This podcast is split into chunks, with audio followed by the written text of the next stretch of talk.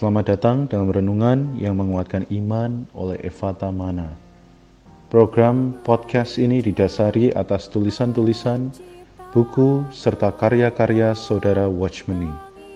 Selama masa pelayanannya, Tuhan memakai saudara Watchmeni untuk menyingkapkan banyak terang wahyu di dalam Alkitab, baik itu mengenai jalan salib, Kristus sebagai hayat, serta kesatuan tubuh Kristus.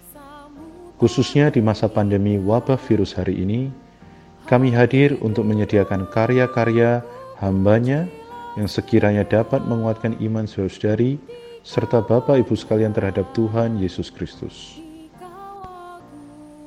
Anda dapat menghubungi nomor hotline Evata Mana pada nomor 0851 5677 2397. Sekali lagi, nomor hotline Evata Mana adalah 0851 5677 2397. Sekarang, mari kita memasuki renungan hari ini. Selamat menikmati. Shalom, saudara-saudari yang terkasih dalam Tuhan Yesus Kristus. Dalam kesempatan kali ini kita akan membahas sebuah renungan berjudul Janganlah khawatir tentang apa pun juga. Bagian kedua. Pembacaan Alkitab diambil dari Filipi pasal 4 ayat 6b. Tetapi nyatakanlah dalam segala hal keinginanmu kepada Allah dalam doa dan permohonan dengan ucapan syukur.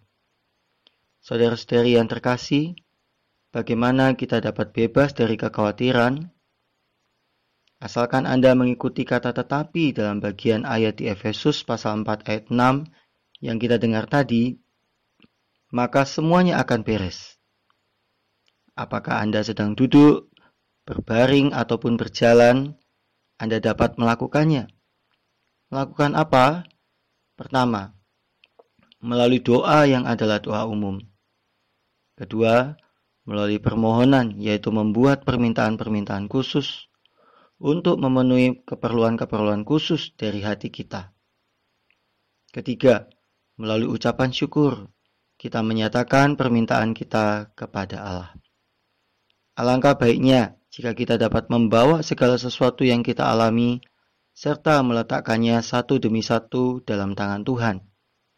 Kalau tidak demikian, ketika perkara pertama datang, kita menanggungnya sendiri, kemudian datang perkara kedua dan ketiga, kita juga menanggungnya sendiri. Maka beban itu bertambah-tambah berat Akibatnya kita akan kehilangan sukacita karena tertekan.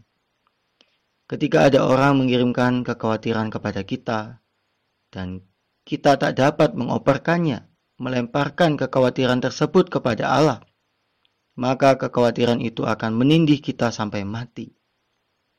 Janganlah biarkan kekhawatiran menindih kita terus-menerus, tetapi serahkanlah kekhawatiran itu pada pihak Allah Ketika kekhawatiran berdatangan, segera operkan, lemparkan kepada Allah.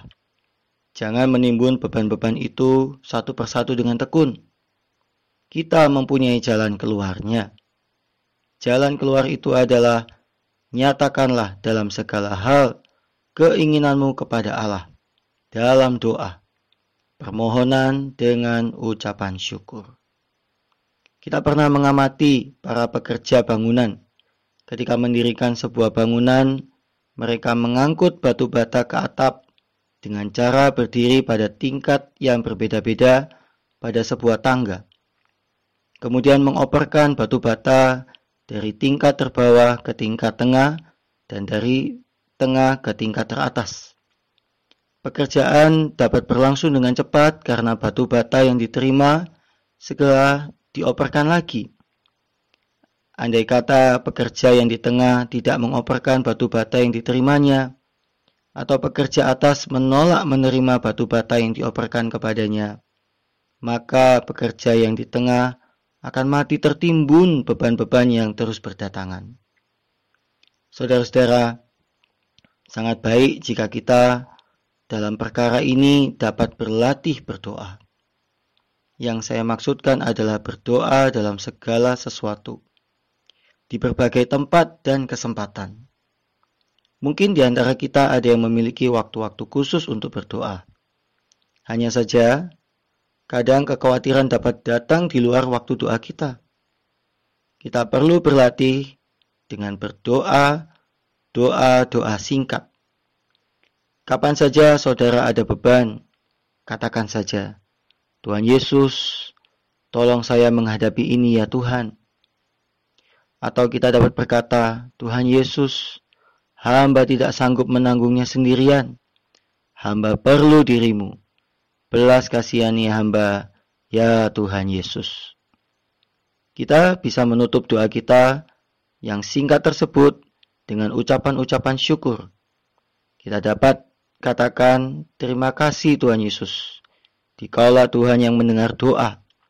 Dikau juga Tuhan yang menjawab doa. Atau, terima kasih Tuhan Yesus, kasih karuniamu cukup aku pakai. Penyertaanmu tidak pernah meninggalkan aku. Terima kasih Tuhan. Amin. Demikian kita akan diselamatkan dari tekanan beban kekhawatiran. Saya mengajak seseri untuk bersama-sama berdoa.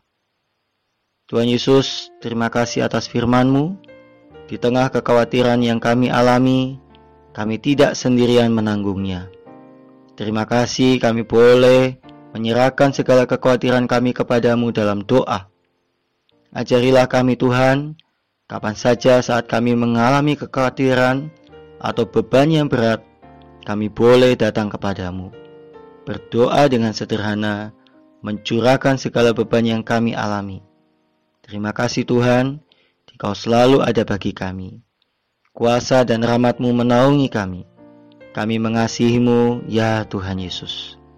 Di dalam namamu kami berdoa. Amin.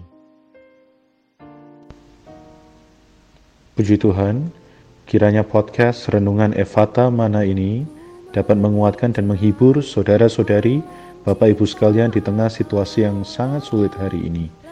Besok kami akan hadir kembali untuk bersama dengan Anda merenungkan firman Tuhan serta berdoa. Tuhan Yesus memberkati.